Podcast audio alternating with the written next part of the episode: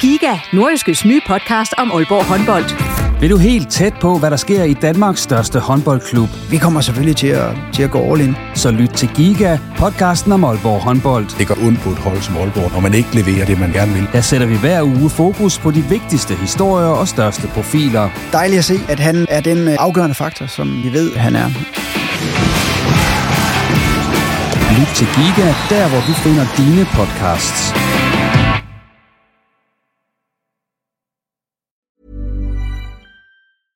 Hiring for your small business? If you're not looking for professionals on LinkedIn, you're looking in the wrong place. That's like looking for your car keys in a fish tank.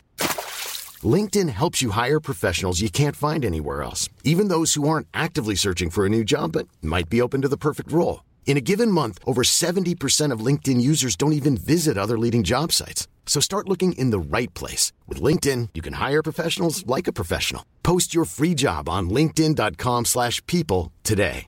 Selling a little or a lot?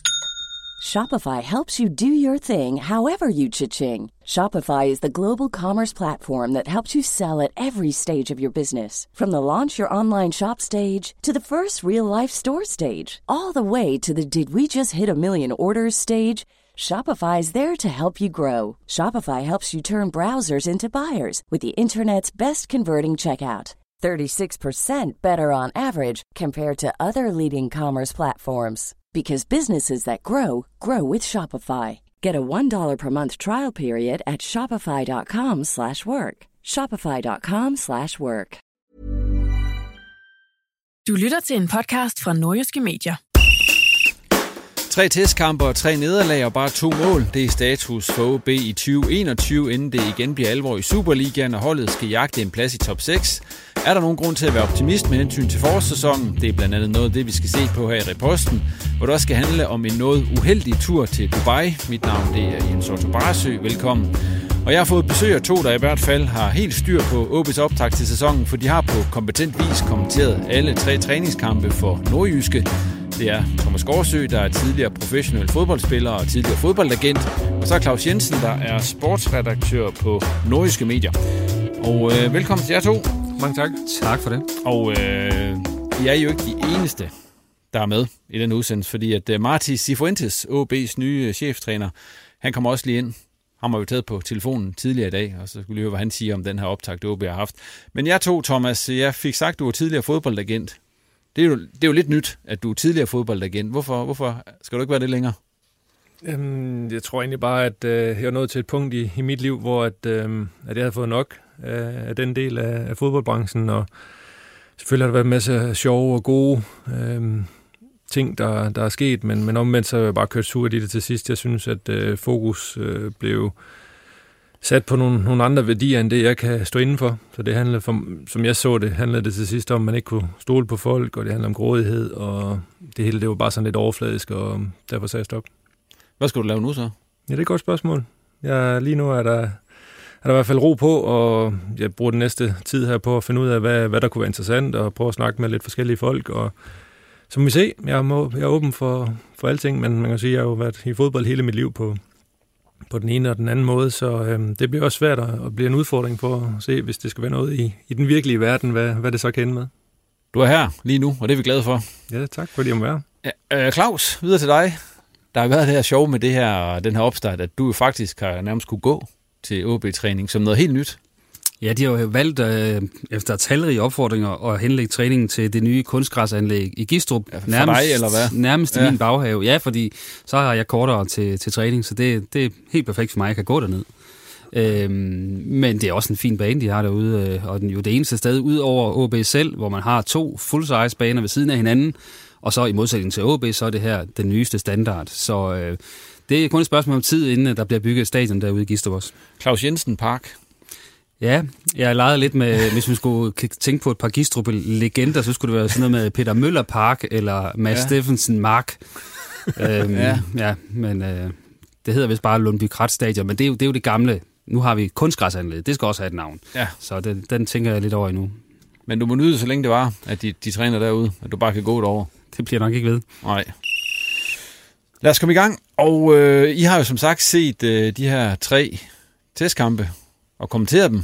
Og øh, hvis vi sådan skal, det har været Randers, de har mødt, det har været FC Midtjylland, og det har været Lyngby. Og sådan uden at skulle pinde for meget rundt, de har tabt alle tre, som jeg sagde i indledningen. Ja, og pilen er ikke sådan øh, gået opad. Altså faktisk, når vi sådan lige kigger ned over kampene, så den første mod Randers var egentlig den bedste kamp for OB's vedkommende. Forstået på den måde, at de spillede en, en jævnbør de første halvleg mod Randers, skabte en 3-4 pæne muligheder, øh, burde være kommet foran. Så spiller de godt nok helt forfærdeligt i den første halve time af anden halvleg, men så i de sidste 10 minutter kommer de faktisk til tre kæmpe store chancer, øh, hvor øh, den eneste så bliver puttet ind af, af Tom van Vært. Så, så det er jo faktisk øh, en hederlig kamp. Det synes jeg måske ikke, da vi sad og så den, fordi der var alligevel nogle store huller i osten der, men, men det var den bedste kamp. Så, så kom så Midtjylland-kampen, hvor man var i problemer og ikke rigtig skabte noget, og så Lyngby-kampen, hvor man nærmest skabte nul chancer. Øh, så så det, det går lidt den forkerte vej, og man havde måske lidt troet, at det så alt ville være den anden, at de, spillerne i højere grad ville ligesom kunne, øh, kunne finde sig selv og, og Mathis Sifuentes idéer, og så, så ville de slutte af med en, med en fin præstation, og så kunne man have noget optimisme at tage ind til FCK-kampen her på onsdag. Nu bliver det sådan lidt, øh, hvor, hvor er vi på vej hen med OB? Thomas, har du set noget godt i de her træningskampe? Sådan noget, du har hæftet ved sagt, det, det ser egentlig meget fornuftigt ud, det her. Jamen, altså, hvis, man, hvis vi graver dybt ned i, i præstationerne, så, øhm, og ikke overraskende, så, så jeg synes jeg egentlig, at, at det defensive duelspil øhm, har været okay og godkendt øhm, med, med, de, med de centrale forsvarsspillere, har set, har set stærkt ud, når det er sådan, at, at det er bolde i, i luften til duel.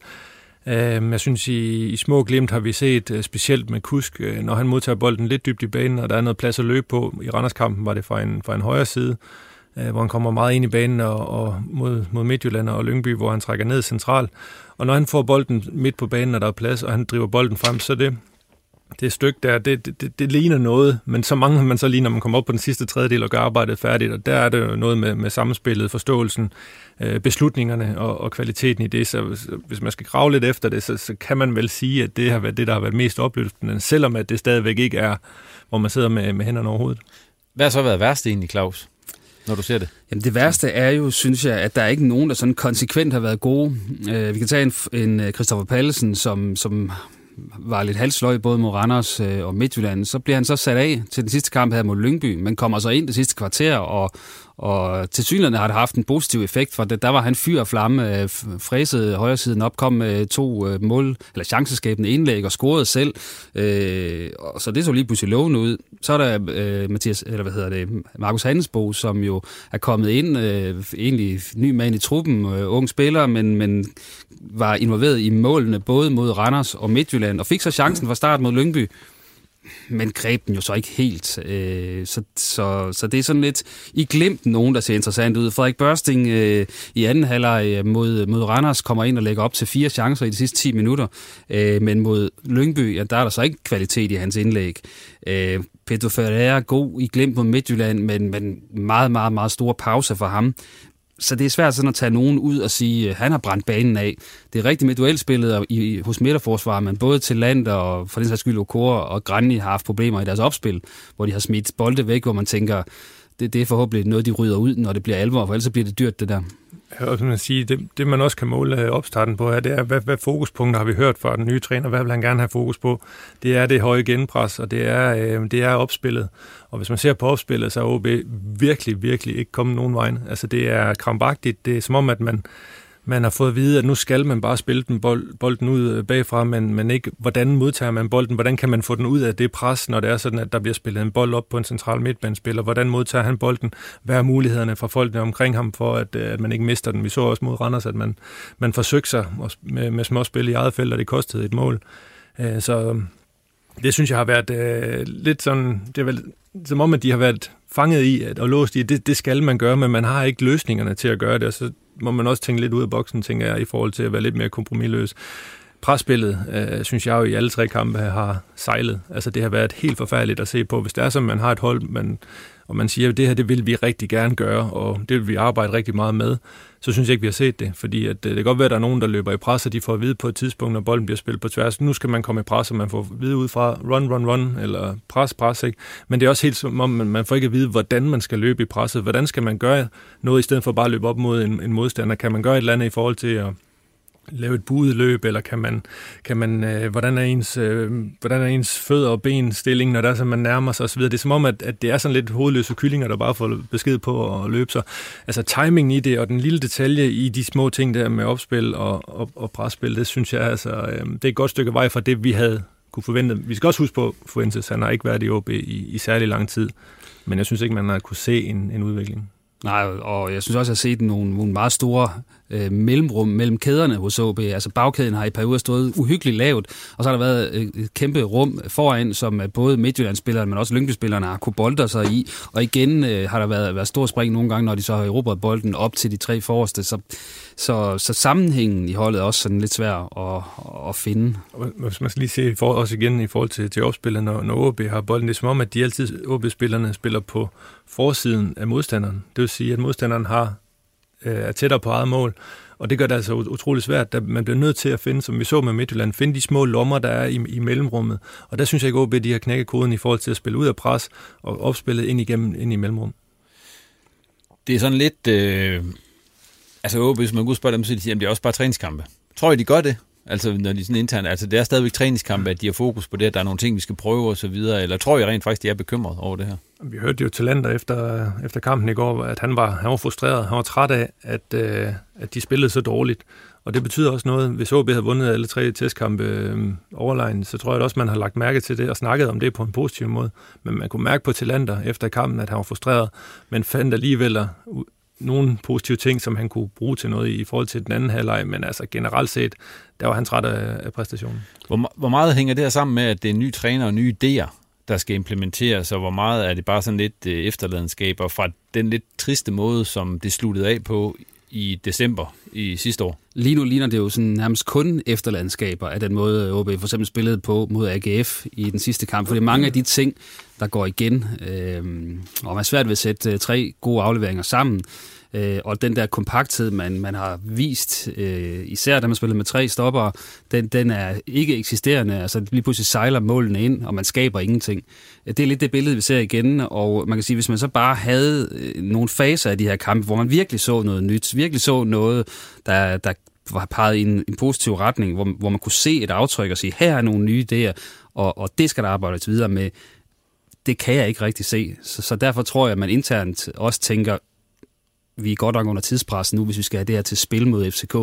Omvendt, så, øh, så er der i hvert fald ingen grund til at gå og være øh, kold høn, som det hedder på nordisk derude lige nu. Så, så tror jeg, der bliver brugt ekstra tid på video, på møder, på at få snakket øh, det her igennem og, og, øh, og finde en plan til FCK-kampen, som, som holder. For lige nu, der, ligger, der ligner det lidt, at de er fanget mellem en masse forskellige stole og en masse forskellige idéer, som ikke rigtig er blevet implementeret. Så, så hvordan skal de stille op, og hvem skal spille de enkelte pladser? For der ligner han også, at han er i tvivl på en 3-4 pladser. Øhm, så der, der, der er rigtig travlt, tror jeg. Øh, nu har de fri de her dage, men så venter der en, en, en fem dage op til FCK-kampen, hvor jeg tænker, det bliver, bliver nogle lange dage på OB for spillerne. Nu er vi lidt inde på det allerede med den første kamp mod FCK, og nu har I set de her tre træningskampe, og jeg har spurgt dem af spilleren, der efterlader et positivt indtryk. Det kan vi nok også komme lidt ind på i den her sammenhæng, fordi hvordan skal OB egentlig, hvis I stod til jer, eller hvordan ser det ud til, at de skal stille op i, i den første kamp mod, mod FCK og, og det, der så venter? At det er jo svært ikke at tro, at de stiller op i sådan en, øh, en, en 4-3-3 eller en 4-2-3-1 måske snarere. De kalder den selv 4-3-3. Men det er, jo, det er jo det, han har spillet hele vejen. Så derfor er det jo nok naivt, når jeg drømmer om drømmer mig tilbage til øh, et tremandsforsvar og nogle meget højtstående backs, som kan komme til baglinjen og få lavet nogle indlæg, som har været en, en voldsom mangelvare i den her opstart det er nok utopi at tro, at han, han rydder øh, hele spillepladen og så starter forfra, selvom jeg kunne tænke mig det. Øh, så, så, så det bliver jo den her 4-3-3, tænker jeg. Og så er det springende punkt, jo, hvem skal spille den venstre bak i stedet for Jakob Ellemann, som er skadet. Den første kamp var det Lukas Klitten, greb ikke chancen, så har Granli spillet de to efterfølgende, og det er han ikke vant til, og det, det koster noget, øh, både i opspillet øh, og, og i mulighed, i, i, kan man sige, det gør den venstre side væsentligt mindre offensiv for OB's vedkommende. Ja, jeg er meget enig. Altså, øhm, man kan jo sige, Magnus Christensen har virkelig fået muligheden at spille alle tre kampe øh, fra, fra start her, og, og ligner en, som, som Sifuentes han, øh, han, han gerne vil bruge. Og øh, også i forhold til, til opspil. Altså, øhm, og mod et FCK-hold, som kommer til at, at blæse ud af, så hvordan de, de kørte AGF over øh, 6-1 i går. Øhm, så jeg, jeg tror, han, jeg ved, altså det, han skal virkelig grave dybt for at finde ud af, hvad for nogle typer, øh, hvad for nogle spillere øh, passer bedst, fordi han er jo, det giver meget god mening i den første kamp mod Randers, at man har to blandede hold, og så gør man det lidt mindre mod, mod Midtjylland, selvom de spiller en, en, en, en time hver. Og så må, må man formode, at mod Lyngby, der har han fundet ud af det, han, han gerne ville, men, men det tror jeg ikke. Han har ikke fået svar nok i forhold til at kunne sige, men dem, der startede mod Lyngby, det er også dem, der starter mod FCK. Det, det tror jeg simpelthen ikke på, at, øh, at det kommer til at ske, fordi der var, der var også mange, som, som ikke bød sig alt for godt til, så øh, det, det, det bliver utrolig spændende, at vi kan komme ind på, hvad, hvad, hvad, hvad navne vi tænker kunne, kunne give mening. Det er meget velkommen til. Bare kom med dem. Nå, altså, ud, ud fra det, som, som jeg har set, øh, altså så, hvis, hvis Renne han stadigvæk øh, er i OB, jamen, altså, så, så lang tid han er i OB, så tænker jeg, at han er, han er førstevalg. Det, det skal han være både sportsligt og økonomisk for, for klubben. Øh, så synes jeg, øhm, at Pallesen øh, egentlig har gjort det okay. Øh, har altid en stor motor, men man mangler noget på, på kreativiteten og det sidste. Øh, Okora til land og Okora igen, er han i OB eller ej. Øhm, det skal være et, et voksen forsvar, der skal, der skal spille øh, mod FCK. Øh, det, det er virkelig vigtigt, at man får en, en god præstation og, og et godt resultat. Øh, så som Claus er inde på, altså den der venstre, venstre bak der, øh, mod FCK havde det været et andet øh, dårligere hold end FCK, så havde jeg nok valgt øh, Klitten, men, men, men grænlig for, for det defensive udtryk øh, der. Og så må man give lidt kø på, at man ikke kommer med så meget øh, på, på venstre kanten. Øh, Ferreira og Magnus bliver nok nødt til at skal, skal spille derinde. Øh, alternativerne... Øh, ja, det er Højholdt og Kaketo, og de det, har jo heller ikke budt sig til. Præcis. Øh, så er de fire der, så, så må det jo være, være de to lige nu, øh, som jeg ser det. Øh, så kunne jeg godt tænke mig at en børsting på en, på en højre kant øh, sammen med Pallesen, sådan en powerkant, og så øh, få, få løbet nogle meter og, og se, om ikke man kan, man kan lave noget revage der. Så har jeg altså valgt at sætte øh, Kusk øh, som, som den offensive øh, midt. Nu er Ferreira og Magnus, som jo er meget mere, som jeg ser det, defensivt orienteret.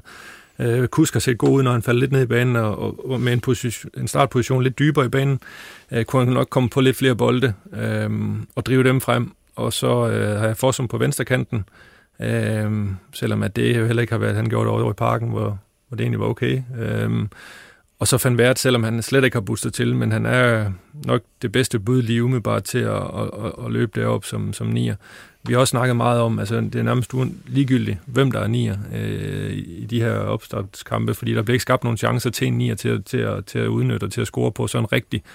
Øhm, der har været meget snak om, at de skulle have en ny angriber, men, men jeg ser det, at man skal, blive endnu bedre til samspil og forståelsen på den sidste tredjedel. Men øh, det, det er mit bud på det, ud fra det, som vi har set, og det, som jeg vurderer. Ja, jeg har så placeret Børsting på venstrekanten for at give noget, noget offensiv øh, power der, fordi hvis det bliver grænlig og så forsum derude, så, så kommer jeg til at savne noget, noget drivkraft frem af banen og noget hurtighed og nogle mulighed for at lave nogle indlæg, fordi netop, øh, hvis man lige tager de sidste 10 minutter ud af kampen med Randers, så var det jo faktisk der, at Børsting kom til baglinjen og fik lavet nogle indlæg, til 9-typen Tom van Vært, og han får tre chancer på de 10 minutter, øh, og scorer så ikke på, øh, på nogle af dem faktisk, men, men i stedet på, på en repost fra, øh, fra Hannesbo. Men, øh, men der får de i hvert fald skabt chancer og får bolde i feltet. Øh, og så kunne skud på højre kanten, så har jeg for som, som, som mellemrumspilleren, og jeg har også Van Vært op foran, fordi vi ved, at han kan komme til chancer. Han har problemer med sin effektivitet. Vi ved, at han kommer til, til chancer, hvis, hvis han øh, får nogle bolde at arbejde med, og øh, det har vi slet ikke set fra, øh, fra Tim Pritcha. Øh, han har spillet de her tre øh, første kampe øh, og fået masser af spilletid, men ligner stadigvæk en ufærdig spiller, så, øh, så at, er de to spillere, for jeg vil øh, insistere på at spille med en rigtig nier, så vil jeg vælge Van Wert også. Ja, for Pritcha, som du siger, han har spillet kant vel? Ja, højre kant. Ja. Og hvad skal vi sige om det? Han kæmper, og han fighter, øh, men han slider både med sin, øh, sine tæmninger, og han slider med at vinde sine dueller, og han slider med at kunne løbe fra sin, øh, sin, sin oppasser, når øh, han bliver spillet i dybden. Så, så der er rigtig meget plads til forbedring. Vi ved, at han har et godt venstreben, når han kommer i position til det, men, men det har han reelt ikke gjort den eneste gang. Så tror jeg også, man skal, som jeg også var inde på lige før, så med den opstart, man har haft, så er det rimelig vigtigt at få sat den en stopper for, for blødningen på en eller anden måde, og, og der vil jeg nok ty til de lidt mere rutinerede spillere, altså spillere, som, øh, som har været i gamet, måske har, har prøvet det før, og, og, og være med til at få en, en forhåbentlig en, en solid start, og så kan man begynde på det. Også derfor med, med Klitten eller, eller Pritja, eller hvem det er, de yngre, at de kunne have spillet, hvis det var en anden, men, men lige præcis sådan som situationen har været i opstarten for OB, og dem de skal møde, så tænker jeg, at man bliver nødt til lige at, at være en lille smule mere kynisk. Og så kigge på, at okay, spillet fungerer ikke rigtigt. Hvad har vi så faldet tilbage på? Noget kompakthed og nogen, der går ind og skralder igennem. Øh, den skal fightes hjem, det her, hvis man skal have point ud af den kamp. Dermed ordene om, øh, om OB's sæsonoptakt her, og så hvad, hvordan vi ser frem mod kampen mod FCK. Og som nævnt, så har vi sådan en special gæst der i det her afsnit. Det er så Marti Cifuentes, OB's nye øh, cheftræner, som jeg har snakket med tidligere i dag. Og det er jo så, så på engelsk over telefon, så man skal nok lige øh, spidse øre her de næste 10 minutters tid. Men øh, her kan du i hvert fald høre hans vurdering af testkampen og hvad han har arbejdet med indtil videre. The three games you've been playing so far, what have you uh, seen in those games, Marty, both uh, positive and, and negative? Well, first of all, I would like to say that there is no, never negative. It's just things to improve because this is about the mindset. And I think that uh, it's very important to have always a positive mindset. So I see a lot of things that we need to improve, of course. I can guess that uh, any team in the world wants to improve. So uh, at the same time that I'm optimistic, I'm as well demanding. So I think that as well Liverpool, even though they win the Champions League, uh, they have a possibility to improve. So that my focus is is there. Um, what I can say in terms of uh, things to improve, uh, definitely I would say that the team has been, uh, I would say, for the last year, especially since Jacob took took over. I think that the team has a clear has a clear identity about pressing so high, about being so intense on this on this phase, which actually I think that that's the phase that defines better the style of the team. This aggressive pressing, this aggressive style with quick transitions. I think that that was the identity. Uh, my commitment is to try to recover the best moments uh, in that sense with with uh, the style that uh, Jacob developed in that sense with really high pressing, uh, doing that in a different way. But um, I think that we need to be as well aware that the team was trying to press so high, but lately was not succeeding that much in to recover the ball that high, which for me actually is the main purpose of high pressing uh, if you press so high, but at the end, the zones, the stats showed that the team was not recovering that many balls that high in the pitch. At the end, all that you get is the tired legs. So uh, I think that we need to be better in terms of how we develop the high pressing, how we understand the triggers on when to activate this high pressure, and especially we need to be more successful on how many times we recover the ball high on the pitch. So this is one of the point, main points I would say that we need to develop. Um, one of the main focus that I have, and I always think that possession is not, you don't win games by possession, but it's a great tool to be dominant. It's a great tool to have more chances to win the game. So in that sense, I would like to develop the team in that direction to be, to be good on the high pressure, but coming from, I would say, short periods without having the ball. So in that sense, I see that uh, there is a big possibilities to improve in that area in terms of positioning in the pitch, in terms of how we build up both against low blocks, but as well against high pressure teams. I think that there is a room to improve there. And then um, I would say that in terms of creating chances, because at the end you want to be dominant, at the end you want to press high to recover high because you want to score, create chances and score goals. And in that sense, I think that definitely we have a room to improve in terms of how many goal chances we can create and as well our efficiency in the goal. So I would say mainly these, these three main points in terms of way of playing um, that I've seen uh, as improvement areas in the last in the last three games. You only scored uh, two goals in, in the three games, and and the chances hasn't been that many in in the games. Does that worry you coming up to st the start of the season? No, no, never worried, never worried. The thing that it's about about working, is about developing, and it's about having a clear plan. I think that from since day one, we, we share with the players what was the plan. We develop uh, a clear plan on how we want to play together with the staff. So in that sense, uh, I'm calm. Uh, I, I, know as well. I am aware that that um, yeah, the team have not the best period perhaps before Christmas. So now is a moment where we need to to build on. We need to be calm and and just work a lot. And probably will be a lot of people that expect that uh, you know that we play like FC Barcelona and they won. So unfortunately, probably this will not happen. Uh, we need to be to trust the process and and hopefully uh, people will have fun. Uh, the sooner the better. But in that sense, I think that uh, hopefully everybody understands that we are just in the beginning of a new project and uh, that the foundation is, is good, but there are many things that we need to develop. What have you been most positive about in, in the three games you have seen so far? I think that football sometimes is about the small edges because now you mentioned this that we score only two goals, that's true.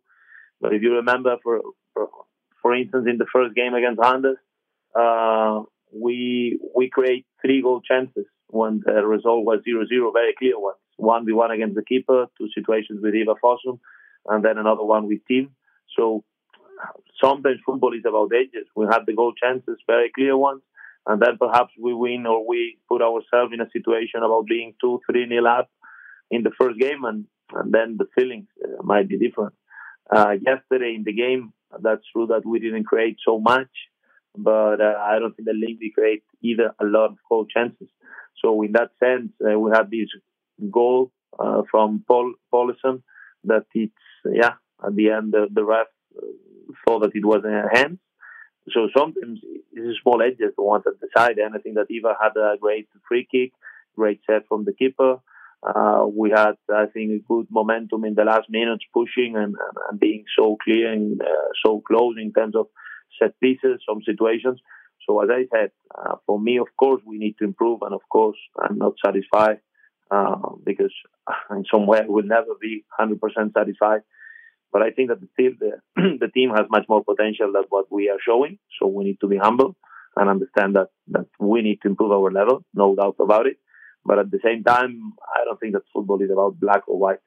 So we just need to keep developing. We just need to keep working. And of course, we know that the league is starting in a few days again, and we need to be ready for the challenge. So uh, there are not excuses in that sense. We had uh, three. Now it's going to be the fourth week together with the group. So we need to deliver a better level. There's been a lot of talk about uh, new players coming in or maybe not coming in. Uh, do you expect the new players coming in before the, the end of the, the window? We have a very good communication daily, communication with both the club and Inge. So in that sense, uh, I know that the club, Inge, is working a lot uh, to trying to to find the right players. We already discussed what do I think the team needs, and, and as well according to the strategy that we have in the long term, what fits in what we are looking for.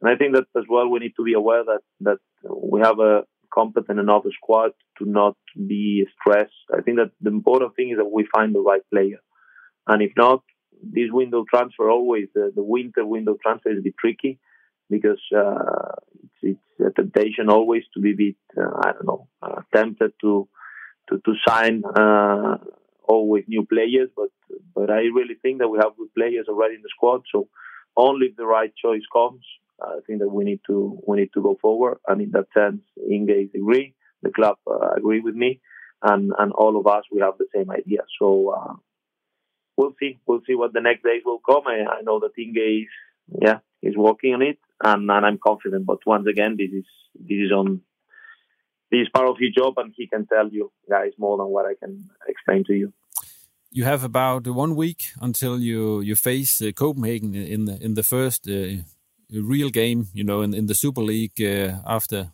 in your period as a as a coach in OB.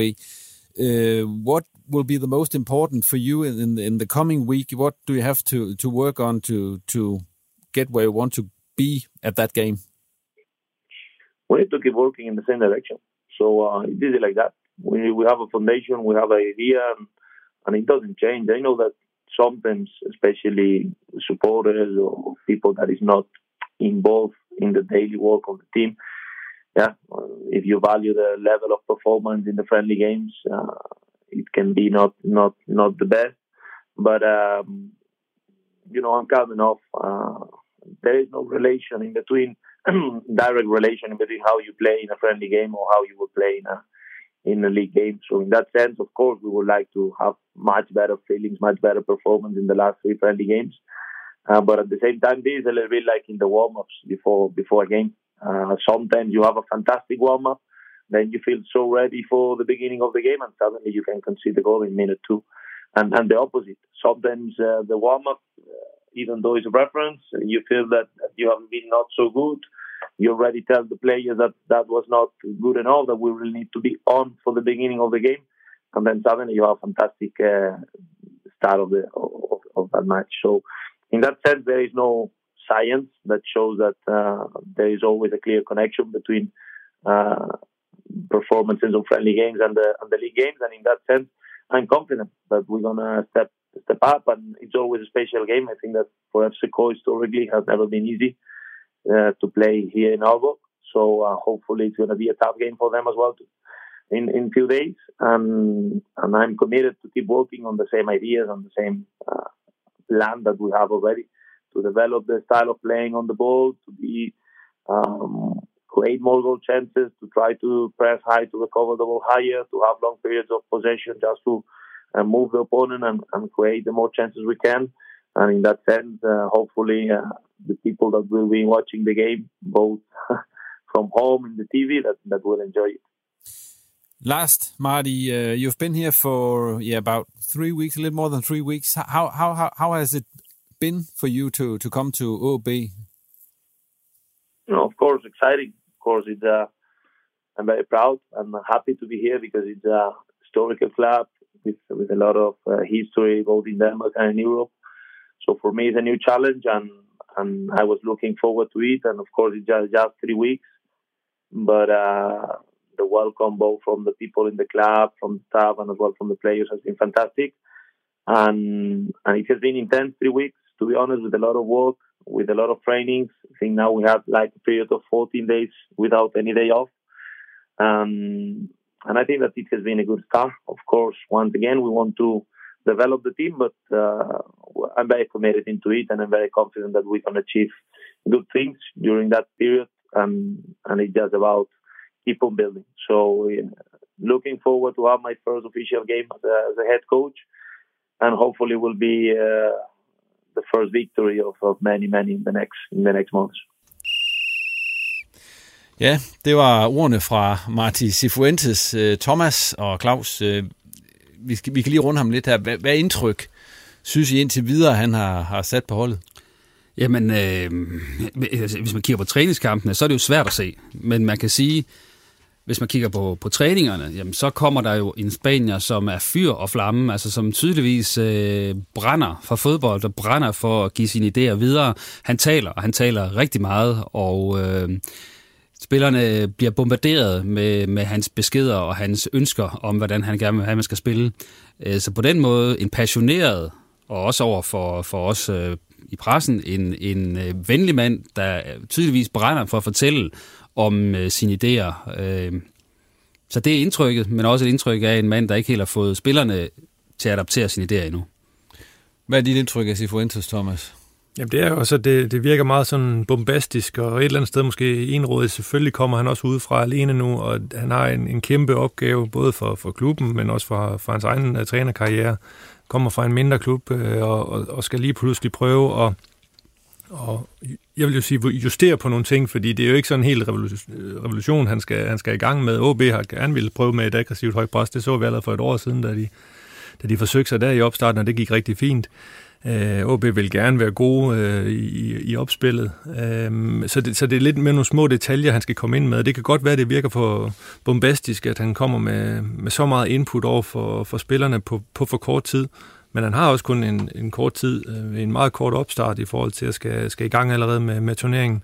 Øh, så det kan godt være, at han måske har, har vildt det lidt for meget, lidt for hurtigt, og, og derfor ser vi også en, øh, de her kampe, hvor det, der er ikke rigtig noget af, der virker. Øh, så, så det kan godt være, at han skal have, han skal have tid, men det siger vi jo altid. Øh, OB har også en selvforståelse øh, i, i forhold til, hvor man er hen i dansk fodbold, og det, altså, man skal være lidt mere konstante i forhold til, at man ikke har de udfald på sæsoner, hvor man, hvor man ligger og kæmper med om top 6. Altså OB skal, skal være en klub, hvor man et eller andet sted er selvskrevet i, i top 6, fordi man har så stærkt et fundament. You should celebrate yourself every day, but some days you should celebrate with jewelry. Whether you want to commemorate an unforgettable moment or just bring some added sparkle to your collection, Blue Nile can offer you expert guidance and a wide assortment of jewelry of the highest quality at the best price. Go to BlueNile.com today and experience the ease and convenience of shopping Blue Nile, the original online jeweler since 1999. That's BlueNile.com. BlueNile.com. Gode trænere, øh, gode spillere, øh, gode ledelse. Øh, det, det skal bare køre, øh, men der er man ikke lige nu. Man kan høre i interviewet her med ham, altså han er jo ikke sådan, virker jo ikke synderligt rystet over, at de har tabt de her tre træningskampe, men når man kommer til en ny klub som ny træner, altså kan man undgå at være lidt sådan, have en lidt mærkelig fornemmelse i maven, inden man går ind til det første, når man har haft så dårlig en opstart, som de jo reelt har rent spilmæssigt. Ja, det er jo ikke kun resultaterne, kan man sige. Havde de nu, ja. havde de nu spillet fint og haft en masse positive ja, imellem, man kunne, kunne, uh, kunne hænge fast i. Så jeg tror da også, han sidder sådan lige nu og tænker, okay, skal jeg, skal jeg tage et skridt tilbage nu, eller, eller to, og så arbejde videre derfra, eller eller øh, er det okay, at vi går ud og ikke kommer i top 6, men, øh, men så bliver vi gode om et halvt år? Altså, det, det ved jeg ikke, om man øh, vil acceptere i OB. For det er jo klart, at vi kan jo ikke stå her og, og, og sige, om han er god eller dårlig som træner endnu. Det er jo alt, alt for kort en periode, og det kan sagtens være, at han bliver en, en legende i OB. Men det kan også godt være, at der går en halv eller en hel sæson, inden han har fået implementeret sine idéer. Øh, og kan man vente på det i OB? Det ved jeg ikke. Det, det er jo nu, man skal i top 4. Øh, nu bliver det en udfordring bare at komme i top 6, tænker jeg. Og man kan sige, at han har fået et spil kort med OB-spillere, hvor der mangler tre af de, de helt tunge kort lige i øjeblikket. Han skal gå ind til en sæsonstart, hvor han mangler Jakob Allmann, som er blevet skadet, desværre. Lukas Andersen, som ja, har været skadet i en længere periode, og så også Hiljemark, som også har været skadet i en længere periode, og udsigten til, at de to sidstnævnte sådan, at de skal jo lige i gang igen, kan man sige. Ja, det er selvfølgelig en bed, at, at, at på papiret tre så stærke spillere ikke er med øh, i, i forberedelserne. Og specielt når du kommer en ny øh, træner, der har du virkelig brug for, at de allerbedste er til rådighed, fordi det er også dem, der er med til at flytte alle de andre. Øh, så det er, det, er da en, øh, det er da en udfordring, og han bliver så også nødt til at, at bruge det materiale, han har. Altså, det er jo en kliché, men altså, han kan jo ikke rigtig øh, bruge det som undskyldning, at, at de mangler. Det er der ikke nogen af os, der kan, fordi der, der spiller fodbold med de spillere, der er til rådighed, og han skal sørge for, at OB øh, kommer ind i den udvikling, han gerne vil have dem. Øh, og det, øh, det ser ud til, at det, det kræver lidt mere tid end, end tre testkampe. Vi fløjter den der med Sifuentes, og øh, som jeg også kunne høre i interviewet med ham, så blev han jo lige spurgt til transfer, som han regnede med der kom noget, og der kom jo et, et, et standardsvar, som der jo gør for træner, at øh, han er fint tilfreds med en trup, der er, hvis der kommer noget, så er det fint, og han er i tæt kontakt med Inge André, og så videre, og så videre. Indtil videre, hvis vi lige skal se på OB's transfervindue, så er og der kan selvfølgelig være sket alt muligt. Når du hører den her udsendelse, så kan de have købt tre mere, og de går solgt to mere osv. Så, videre. så det skal selvfølgelig tage højde for. Men mens vi står her, så har OB sendt Kasper Pedersen, Thomas Christiansen og Jeppe Pedersen ud af truppen. Er der flere på vej ud, som I lige ser det? Det kommer jo an på, om det ligger i, i øh, planen, at, at truppen skal længere ned antalsmæssigt, og hvad der er på vej ind. Men man kan sige, hvis nogen skulle ud, så er det vel øh, måske Klittenbrødrene, øh, som kunne være muligheder, øh, og så er det måske en Kaketo, som jeg ser det. Ellers så er man jo ikke bedre besat nu, end at, at altså, så er det heller ikke flere, der skal ud. Så det er vel en eller to mere, måske forudsætter man får nogle flere ind. Øh, og, og hvad er det så, man skal ind? Ja, det er jo, det er jo noget offensivt, tænker jeg, øh, primært. Øh, og så måske på den lange bane en, øh, en højre og en venstre bak, øh, kan man sige, hvis ikke man tror på Lukas Klitten på venstre, og så mangler man øh, noget på højre bakken som backup for Pallesen. Der er meget snak om Okora, så altså, den, ham nævner Inger André selv som en af dem, der skal væk. Øh, hvis han ryger, øh, så er det midterforsvar, så er det så tre midterforsvar, der vil være, være sendt ud af truppen. Er det lige rigeligt, som det ser ud i øjeblikket? Nej, men det synes jeg ikke. Man har, man har Ross, man har Granli, man har Tillander. Øh, så mangler man måske den, den, den, den sidste backup. Øh, så, men, men, men Okora var jo en lidt lignende situation tidligere, og øh, jeg håber da for OB, at de finder en løsning på det, øh, sådan at de kan øh, måske få lidt, lidt af sin investering tilbage. Øh, jeg, tror, jeg synes jo, at Kåre, han er, han er en god forsvarsspiller. Selvfølgelig har han nogle udfald, men altså, jeg tror på, at, at der kan måske også komme lidt mere ro på de andre, hvis der ikke er øh, både Okora og Tillander og Ross, som jo egentlig øh, har budt sig rigtig fint til, hvis vi ser over, øh, set på det, og Granli. Det er som om, at, at de er lidt for tæt på spilletid og for tæt på hinanden. Det kan godt være, der falder lidt mere ro på, på hierarkiet, hvis, hvis for eksempel Okora han, øh, han forsvinder. Men så skal, der, så skal der findes en fjerde mand, fordi altså kun at have en reserve til de pladser, det er for tyndt. Ja, det, det er jo det er selvfølgelig rigtigt, men, men det kan også godt være, at der, der kommer noget ind. Øh, det, det ved vi ikke, men altså hvis Okora han, øh, han bliver i OB, så, så tror jeg ikke, at det, det er dårligt for det sportslige setup alligevel, fordi at man ved, hvad man får fra ham. Øhm, men det kan være, at de, de prøver på at, at kan få lidt, lidt penge tilbage for ham. Sådan rent indmæssigt der, som I også har været inde på, der er Oliver Klitten kommet tilbage, og så er der så skrevet den her permanente kontrakt med Granli, og så har man så købt Arno Sikke Emante, som jeg kunne se var på fly fra Danmark til, til Jylland i, i går, eller hvad han skrev. Jeg håber, det var en joke. Ja, det håber jeg også. Øhm, der er selvfølgelig snak om, at der skal, der skal mere ind. Ham her, den unge angriber, han er 18 år og 2 meter og 2 høj. Jeg, tænk, jeg, jeg noterede mig, Thomas, tror du ikke, er det ikke den højeste spiller, der nogensinde har været i OB?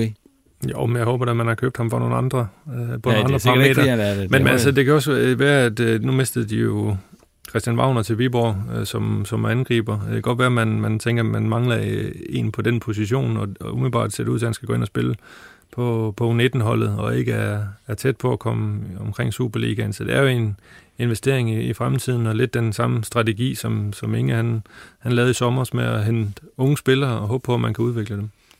Priovic for eksempel på Venstrebakken, der også blev, blev nævnt som spiller, der, der går et par sæsoner inden han er, de forventer, at han er, er flyveklar. Øhm, men ja, det, det forlyder jo, jeg må indrømme, jeg har ikke set de her få kampe med Helsingør, han har spillet. Jeg tror, han har spillet fire førsteholdskampe eller sådan noget. Øhm, men han, de, de roser ham jo for, at han ikke kun er lang og, og, og hovedstødstærk og fysisk stærk, men at han også har en fin teknik. Øh, så, så det er da i hvert fald et interessant navn, øh, som, som vi vil holde øje med, også hvis der forhåbentlig kommer gang i en reserveliga på et tidspunkt, så vi kan få set dem øh, på, på det højst mulige niveau øh, lige bag Superliga-holdet. Men det er, jo ikke en, det er jo ikke mange af sådan nogle store spillere, som OP har haft i, i angrebet gennem tiden, at det vel også forfriskende nok at prøve at hive sådan en ind i, i truppen? Fordi det er vel også et aspekt af spillet, man mangler at have en stor klods at spille op på. Ja, det er det da. Og øhm, man kan sige, OB, som du også inde på, de, de mangler de der notoriske store målscorer, og det har været sådan lidt, øh, siden rette Pritja nærmest, øh, ja, Spalvis også ikke, at de havde lidt mere højde, men, men ellers så, så, så, så kan det også godt være, at man, man vurderer, at vi skal have en plan B, vi skal have, vi skal have noget, vi kan smide ind på sigt, øh, og, og vi skal have vi skal have nogle spillere ind, som, som vi virkelig, virkelig tror på, og som vi kan udvikle, og vi kan tjene øh, pengene på det har ingen selv sagt, og det, det kan godt være, at, at det her det, det er en mulighed, men det er også en billig løsning. Altså, det er jo ikke en, en kæmpe investering, øh, så det er jo sådan lidt en, altså, hvis, hvis ikke det lykkes, så er det jo ikke fordi, at øh, håber, de går ned nummer hjem på grund af det, så det, det er måske en kalkuleret risiko, de har taget der. Hvis vi nu siger, at øh, de bliver ved med at knive med at score mål og så videre, tror I så ham her, altså, det er jo et, han har jo et aspekt i sit spil, som OB måske savner. Jeg tror, man kan komme til at se ham for OB i Superligaen her i foråret man kan sige, hvis man gør det, så er det plan B, øh, og det er nok ikke et godt tegn, kan man sige, hvis OB bliver nødt til at hive ham frem. Øh, så, så, øh, så jeg, jeg håber egentlig ikke for OB, at det bliver nødvendigt, men at man kan følge planen, udviklingsplanen. Ser vi ham spille en masse kampe i foråret, så tror jeg det er, fordi man er i problemer. Hvordan tror jeg egentlig det går med den, kan man sige, i går så en rigtig angriberjagt derude? Vi har, vi har været lidt inde på det. Ja. Altså, for mig at se, så, så, så, så er det ikke død og pine, at man skal have en angriber. Altså, man, man skal blive bedre som hold til at sætte en angriber op. Og hvis det er sådan, at nu, nu jeg er med på, at Van Vært måske ikke er så træfsikker, men jeg er da sikker på, at hvis han begynder at få øh, en, en strøm af chancer, så kommer han også til at score mange flere mål. Altså, det er jo, hvis det er sådan, at han har en eller to chancer på en eller to kampe, og han misser dem, jamen, så er det også nemmere at huske det. Hvis det er sådan, der bliver skabt 10 chancer for ham i, i hver kamp, og han så ender med at score et mål, så er det noget andet. Altså, det at få en ny angriber, øh, som har en god øh, track record i at score mål, er ikke ens betydende med, at han gør det i OB på den måde, de spiller nu, eller det vi har i hvert fald, hvis vi tager udgangspunkt i de sidste kampe i, i efteråret, sammen med opstarten, der bliver bare ikke skabt nok offensive øh, chancer til en, til en boksangriber. Lad os fløjte transfersnakken der, fordi det, det, er jo, det lukker jo her om ikke så længe, og så må vi se, om, der, om det lykkes at, at få, få hentet noget ind og komme af med noget. Hvis vi lige skal runde OB af, så forventningerne til OB i her i foråret, altså hvad kan man tillade sig at forvente? Og, og forvente? Jeg forventer, at de klemmer balleren sammen og får fightet sig i den uh, top 6. Uh, øhm, og så er der ro på bagsmækken til at udvikle holdet derfra, men jeg forventer egentlig, øh, også når vi ser, hvor, hvor, hvor meget de stadig mangler i at få, øh, få adapteret øh, Sifuentes idéer, så forventer jeg egentlig ikke, at de kommer til at blande sig overhovedet i medaljekampen. Så bliver jeg i hvert fald positivt overrasket. Og hvad siger du, Thomas? Jamen, jeg er meget enig. Altså, hvis vi igen vi tager udgangspunkt i det, vi har set, øh, det vi har hørt, øh, der skal ske med OB, så er det jo virkelig lang vej i forhold til fra snak til, til det endelige produkt. Øh, så, så altså, jeg håber da, at OB de lige kniver sig med i, i top 6, men, men altså, øh, jeg er meget i tvivl øh, lige nu. Jeg håber, at deres præstationer de bliver, de bliver markant bedre. Og så lukker vi OB-snakken for den her gang. Og øh, så skulle vi lige, øh, selvom I kun har to i dag, vi skal lige have en anekdoterunde alligevel. Og øh, Thomas, apropos alle de her træningskampe, så har jeg bedt jer om at fortælle om en træningskamp, som du husker for noget specielt, og der behøver jo ikke at være noget specielt godt, har vi ligesom snakket om inden. Ja, Jamen så jeg kan nævne en, en træningskamp for, for 2002 i, i Frederikshavn. Um, i 2001 blev jeg solgt til, til Ipswich, og vi rykkede ud af Premier League øh, der i sommeren 2, og så i, jeg tror det var juni eller juli måned, der skulle, øh, jeg tror det var en del af, af transferen, at, øh, at Ipswich de skulle komme over og spille en træningskamp mod OB. Og øh, det så jeg jo vildt meget frem til, da jeg fandt ud af det, at vi skulle spille i Frederikshavn sådan en sommerdag. jeg tænkte, nu kommer jeg for lov lige at vise mig frem over for min gamle klub, og det var bare... Øh, det var, det var spændende, og jeg tænkte, det gav os lidt sig selv, at man som spiller for den klub, man skulle møde, gamle spiller der, at man var selvskrevet i startopstillingen, men øh, da jeg så fik at vide, at jeg skulle starte ud, så, så brød min verden sammen, og det var lidt en ligegyldig kamp for os, fordi vi var ikke i, i så vidt jeg husker, ikke i nærheden af at, at, at skulle være tæt på at være klar til at, at starte øh, sæsonen, en ny sæson i, i Championship derovre. Så det var sådan lidt en, en gratis kamp for, for klubbens side, og øhm, jeg må have gjort et eller andet forkert øh, over for, for George Burley der, fordi at, øh, at han ikke lå mig spille. Jeg kom så ind i anden halvleg, og vi tabte os 1-0 øh, på et selvmål. Jeg kan ikke lige huske, hvem det var. Men, men den der oplevelse af, at man, man virkelig, virkelig glæder sig noget, man kommer tilbage til Nordjylland, og en sommerdag, og der var masser af folk, man kender, og så skulle man ligesom tabe ansigtet og sige, men jeg skal simpelthen ikke øh, starte ind. Det var, det var, en, det var, det var, det var en kæmpe nedtur, men jeg kom så ind øh, på holdet og, og havde en, en fornuftig sæson i, i championship efterfølgende, men lige den der træningskamp der, den ville jeg godt have været foruden, med, med mindre jeg havde, havde startet den. Husker du at fortælle om, at det var OB, du kom for? Det havde han styr, styr på. ja, det er ikke engang sikkert, jo, fordi det, det, det, tænker jeg nu nok, de, de var, eller det var han klar over, så ja. øhm, det, var en, det er jo en del af den transfer, han selv var med til at lave. Claus? Yes. Øhm, jamen, jeg har jo øh, prøvet at grave dybt, øh, og de sjoveste, spe- specielle træningskampe, jeg kan huske, det har været dem, OB har spillet på, på øh, under sydlige himmelstrøg. Dels fordi, at der ofte er en, en lokal dommer, som, øh, som ikke nødvendigvis øh, dømmer på, på øh, højeste niveau, heller i Spanien, tydeligvis. Fordi nogle gange så, så, øh, så er det det rene Benny Hill. Altså, øh, man har været udsat for, at dommer, der, der nærmest ikke kan reglerne, øh, eller begynder at kaste om sig med, med gule og røde kort, som, øh, som Rendon, øh, den berømte dommer, ved, der, hvor det gik ud over Danmark øh, ved VM. Øh, så, men i virkeligheden, det jeg nok husker bedst, det var en episode, og jeg måtte lige slå op, hvornår det var. Men det, det var i 2010, da OB var på, på træningslejr i, øh, i, ja, det var i Malaga-området. Kampen her blev i hvert fald spillet på stadion i Malaga mod øh, Zenit, St. Petersborg, og øh, der kan jeg huske, at øh, OB sådan fik skrællet igennem nogle gange, og især Michael Jakobsen, som jo ikke var kendt for at skåne sig selv eller, eller nogen andre, kan jeg huske, at han øh, på et tidspunkt får, får i hvert fald skrællet en, en Zenit-spiller fuldstændig, øh, og får, får øh, tændt hele det russiske hold, så de står med, med 11 mand, der, der nærmest kommer stormende hen imod Michael Jakobsen, for, og, og man tænker, nu bliver han, nu bliver han nærmest slået ihjel, men øh, det lykkedes, efter at der havde været sådan en, en bunke der, øh, så lykkedes det at få, øh, få ro på gemytterne, øh, men, men der lignede det ikke en træningskamp, der lignede det nærmest, at det var, det var 11 mod 11, der skulle, der skulle ud og slås. Tak for de anekdoter, og... Øh nu skal, vi, nu skal det handle lidt om nogen, der også har været, været under sydlige himmelstrøg, som man siger.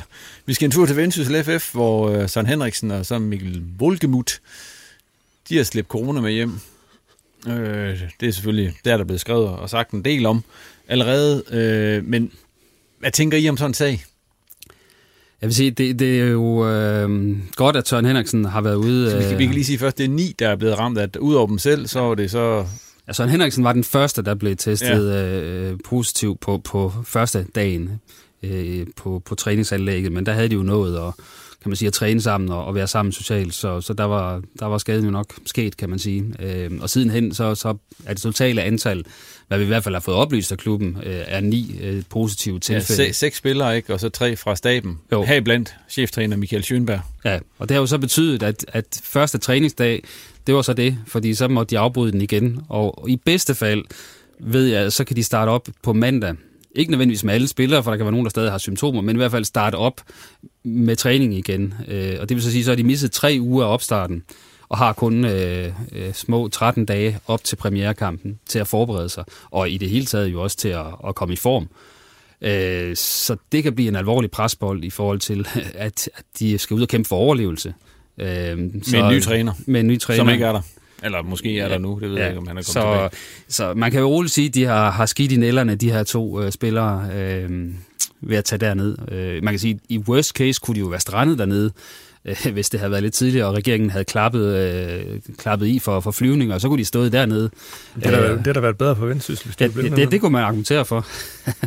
øh, så de har selvfølgelig truffet den, den helt... helt altså, du har snakket med Søren Henriksen. Det har jeg. Ja. Øhm, og, og han må jo sige, han, han lægger sig fladt ned, og det kan man også læse i den artikel inde på Nordiske, at, at vi har jo skidt i nælderne. Vi, vi har gjort noget helt vanvittigt dårligt. Øh, han siger jo allerede, da de så kommer der ned og der er sådan midtvejs på turen, begynder de her historier jo så og, og ligesom at komme om, at det er ikke så godt det her, den sydafrikanske mutation, som folk lever med hjem fra Dubai og så videre. Allerede der kan man sige, så, så tænker de, det, det bliver ikke godt det her. Men man kan sige, hvordan de kan kigge hinanden i øjnene, inden de tager ned og så træffer beslutninger om, at den er nok god nok, og vi kan jo også godt lægge billeder op på de sociale medier om, at vi er dernede og hygger os. Den har jeg lidt svært ved at forstå, at de begge to bliver enige om, at den er god nok. Det, det gør vi. Øh, det er i hvert fald en, en stor fejl, og det er jo heller ikke helt, det er jo ikke unge spillere, vi snakker om. Det er så alt øh, en 28-årig anfører og, og en, en, en relativ øh, etableret øh, spiller i Mikkel Volkemuth, så, så øh, ja, det, det, det er jo nummer, det må man bare sige. Thomas, du har jo været mange trupper rundt omkring. I. Har, du, har du oplevet noget, altså nu er det selvfølgelig også en speciel tid, vi lever i med corona og så videre, men altså, der, der er dumme, dumheder, og så er, der, så er der sådan noget som det her, ikke? Altså.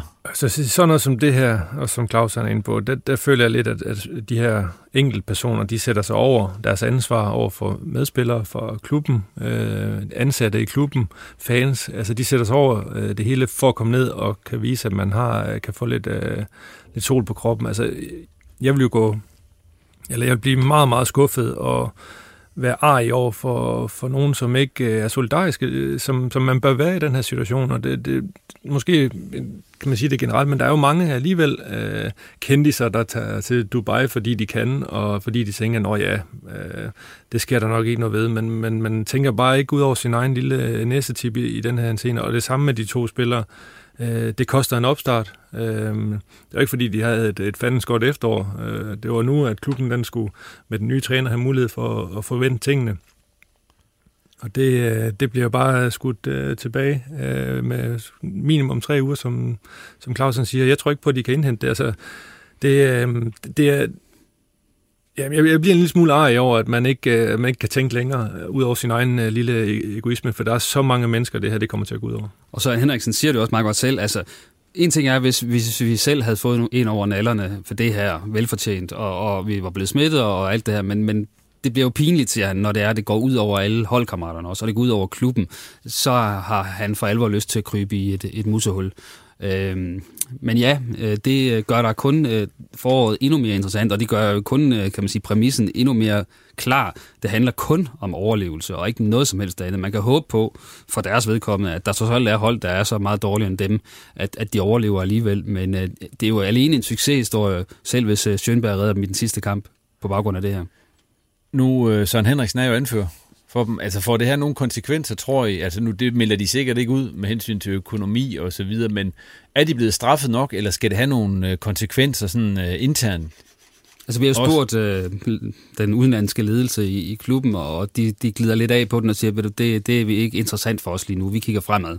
Så det er der, den er parkeret lige nu, men... Uh, og, og med den øh, meget specielle ledelsesstruktur, der er deroppe med, med folk, der sidder i udlandet osv., så kan det jo være lidt svært at, at vide, om, om de selv ved hvad, hvad, endnu, hvad, hvad konsekvenserne skal være. Øh, det, det er måske meget op til Michael Schönberg, som, som har fingrene ned i mulden i det daglige. Men min umiddelbare tanke ville være, at de skulle bare sparkes til hjørnespark, de to spillere, og sættes i skammekrogen. Men faktum er bare, at øh, det kan man nok ikke tillade sig at gøre, fordi øh, specielt med Henriksen, som er jo en vigtig spiller for, for Vendsyssel, han er anfører, han er stabil spiller, og han er vigtig for, at man får nogle resultater her i, i foråret. Så det er sådan lidt et antiklima. Hvad, hvad skal man gøre? Altså, jeg, jeg tænker, at der er mange, der synes, prøv at væk med dem, men, men det, det kan man ikke tillade sig, tror jeg, men, som, som klub. Men hvad siger man som holdkammerat til det der? Altså, når man, når man kommer ind til træning og... Øh...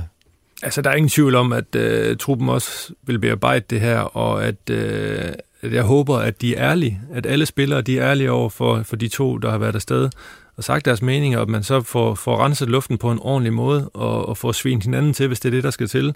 Og så når man har fået rasset af øh, op i hovederne på hinanden, jamen så, så må man også give håndslag på, at øh, det vigtigste nu, det er klubben. Det er at få klubben tilbage på, på sporet. Det er at få, få det bedste mulige ud af en håbløs situation.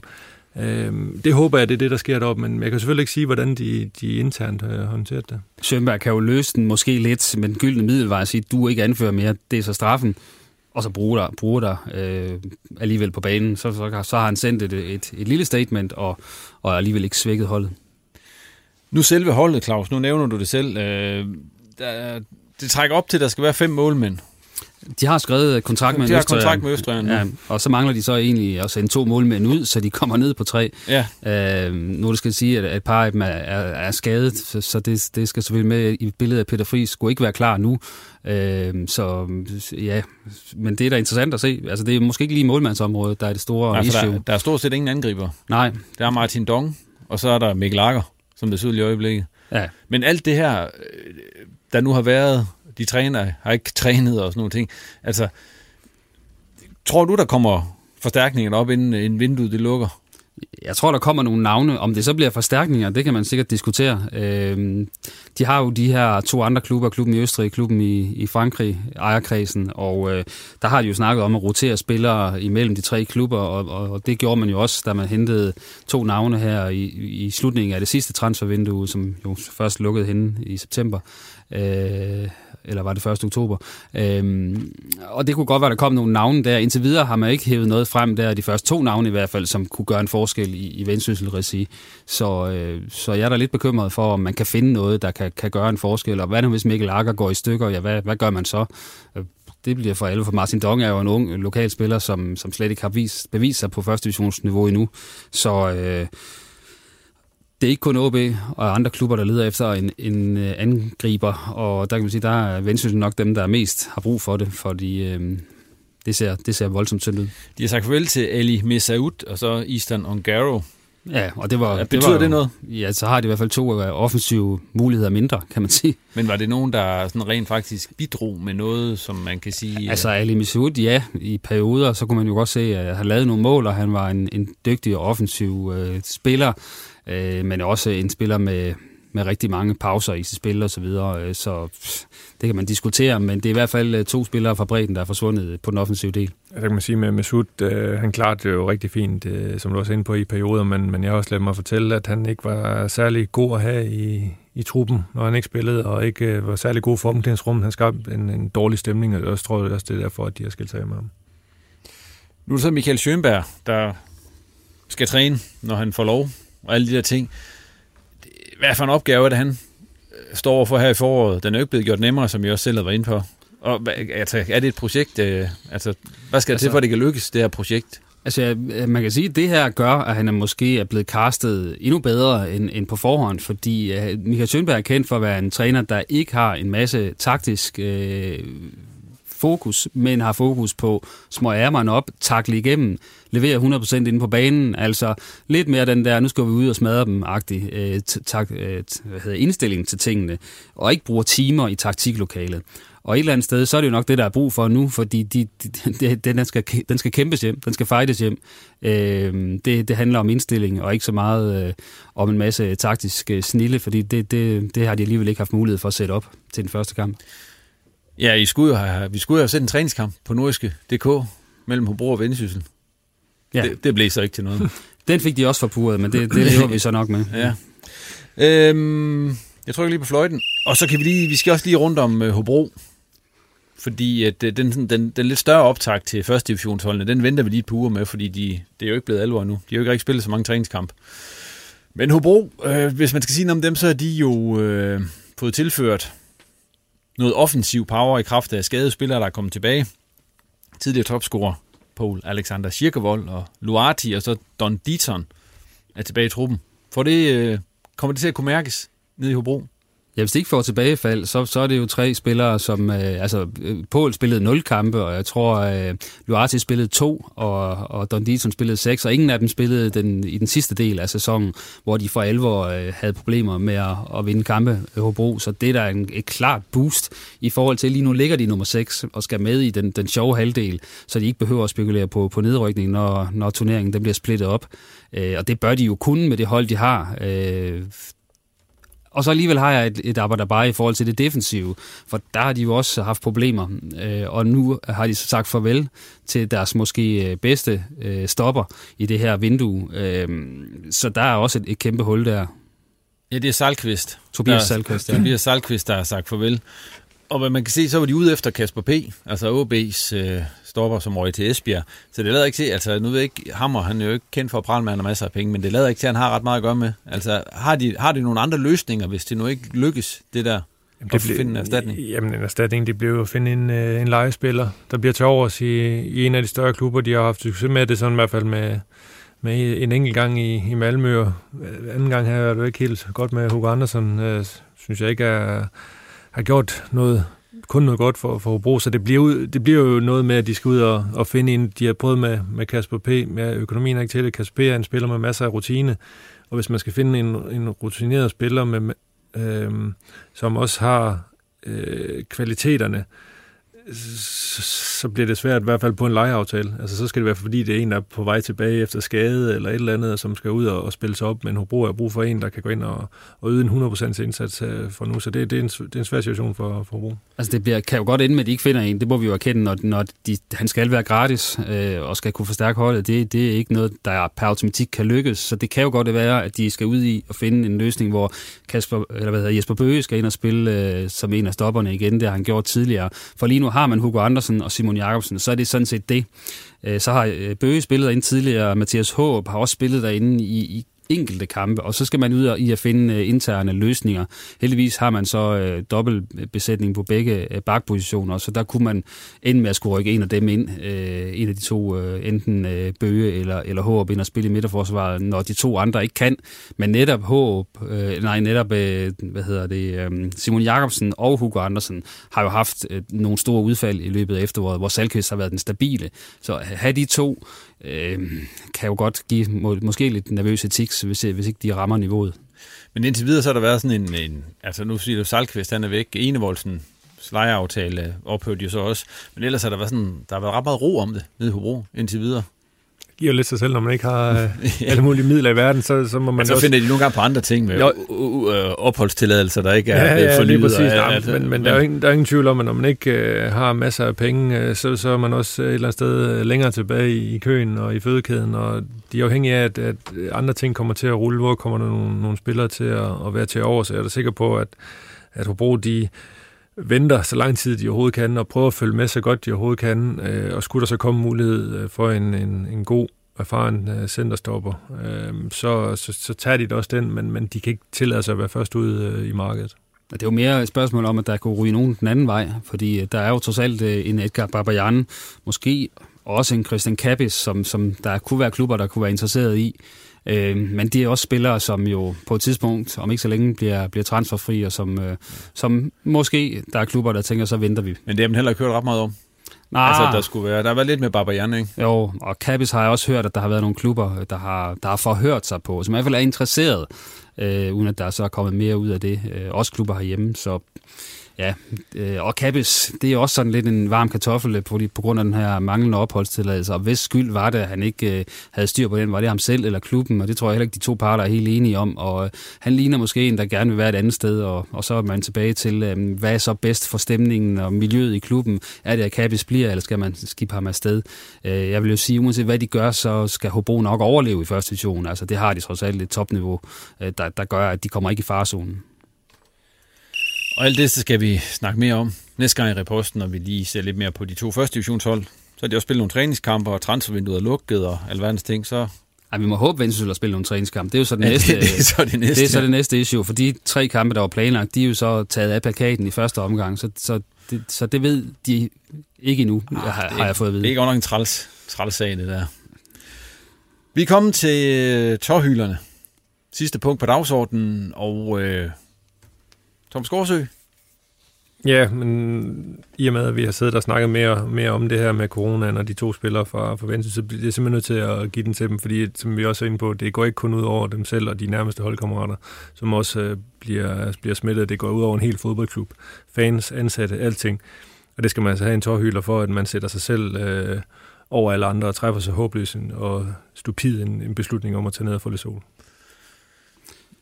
Ja, øh, jeg tror så, jeg går helt over i en anden øh, andedam, nemlig den britiske. Øh, det er jo, nu kommer noget med Tottenham. Ja, men det gør der jo. det gør der jo, og det, det er jo altid dejligt, når der er noget med Tottenham. Øh, det er da i hvert fald noget, som Jens Hammer og jeg kan være enige om, når han er i studiet, at, at det gider vi godt at snakke om. Ja. Øh, jeg tror også, både Jens Hammer og jeg er enige om, at da nyheden kom om, at Mourinho skulle være manager i Tottenham, så var vi sådan lidt, mm, passer det ind i den fodboldfilosofi, som øh, man har dyrket i mange år i Tottenham?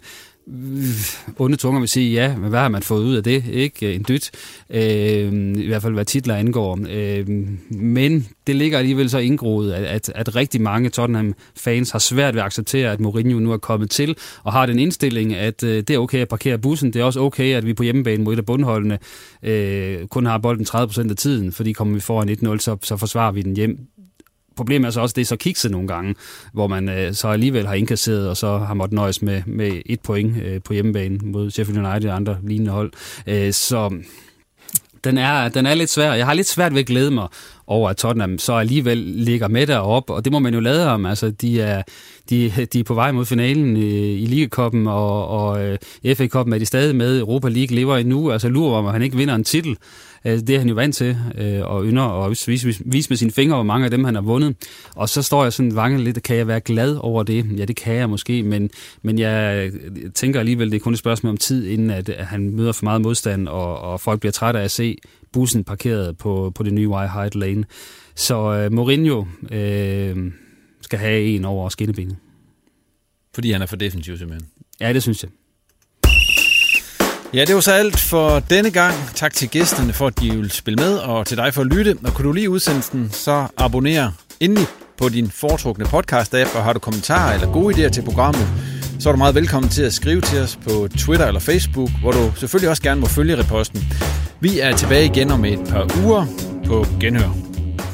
Du har lyttet til en podcast fra Nordjyske Medier.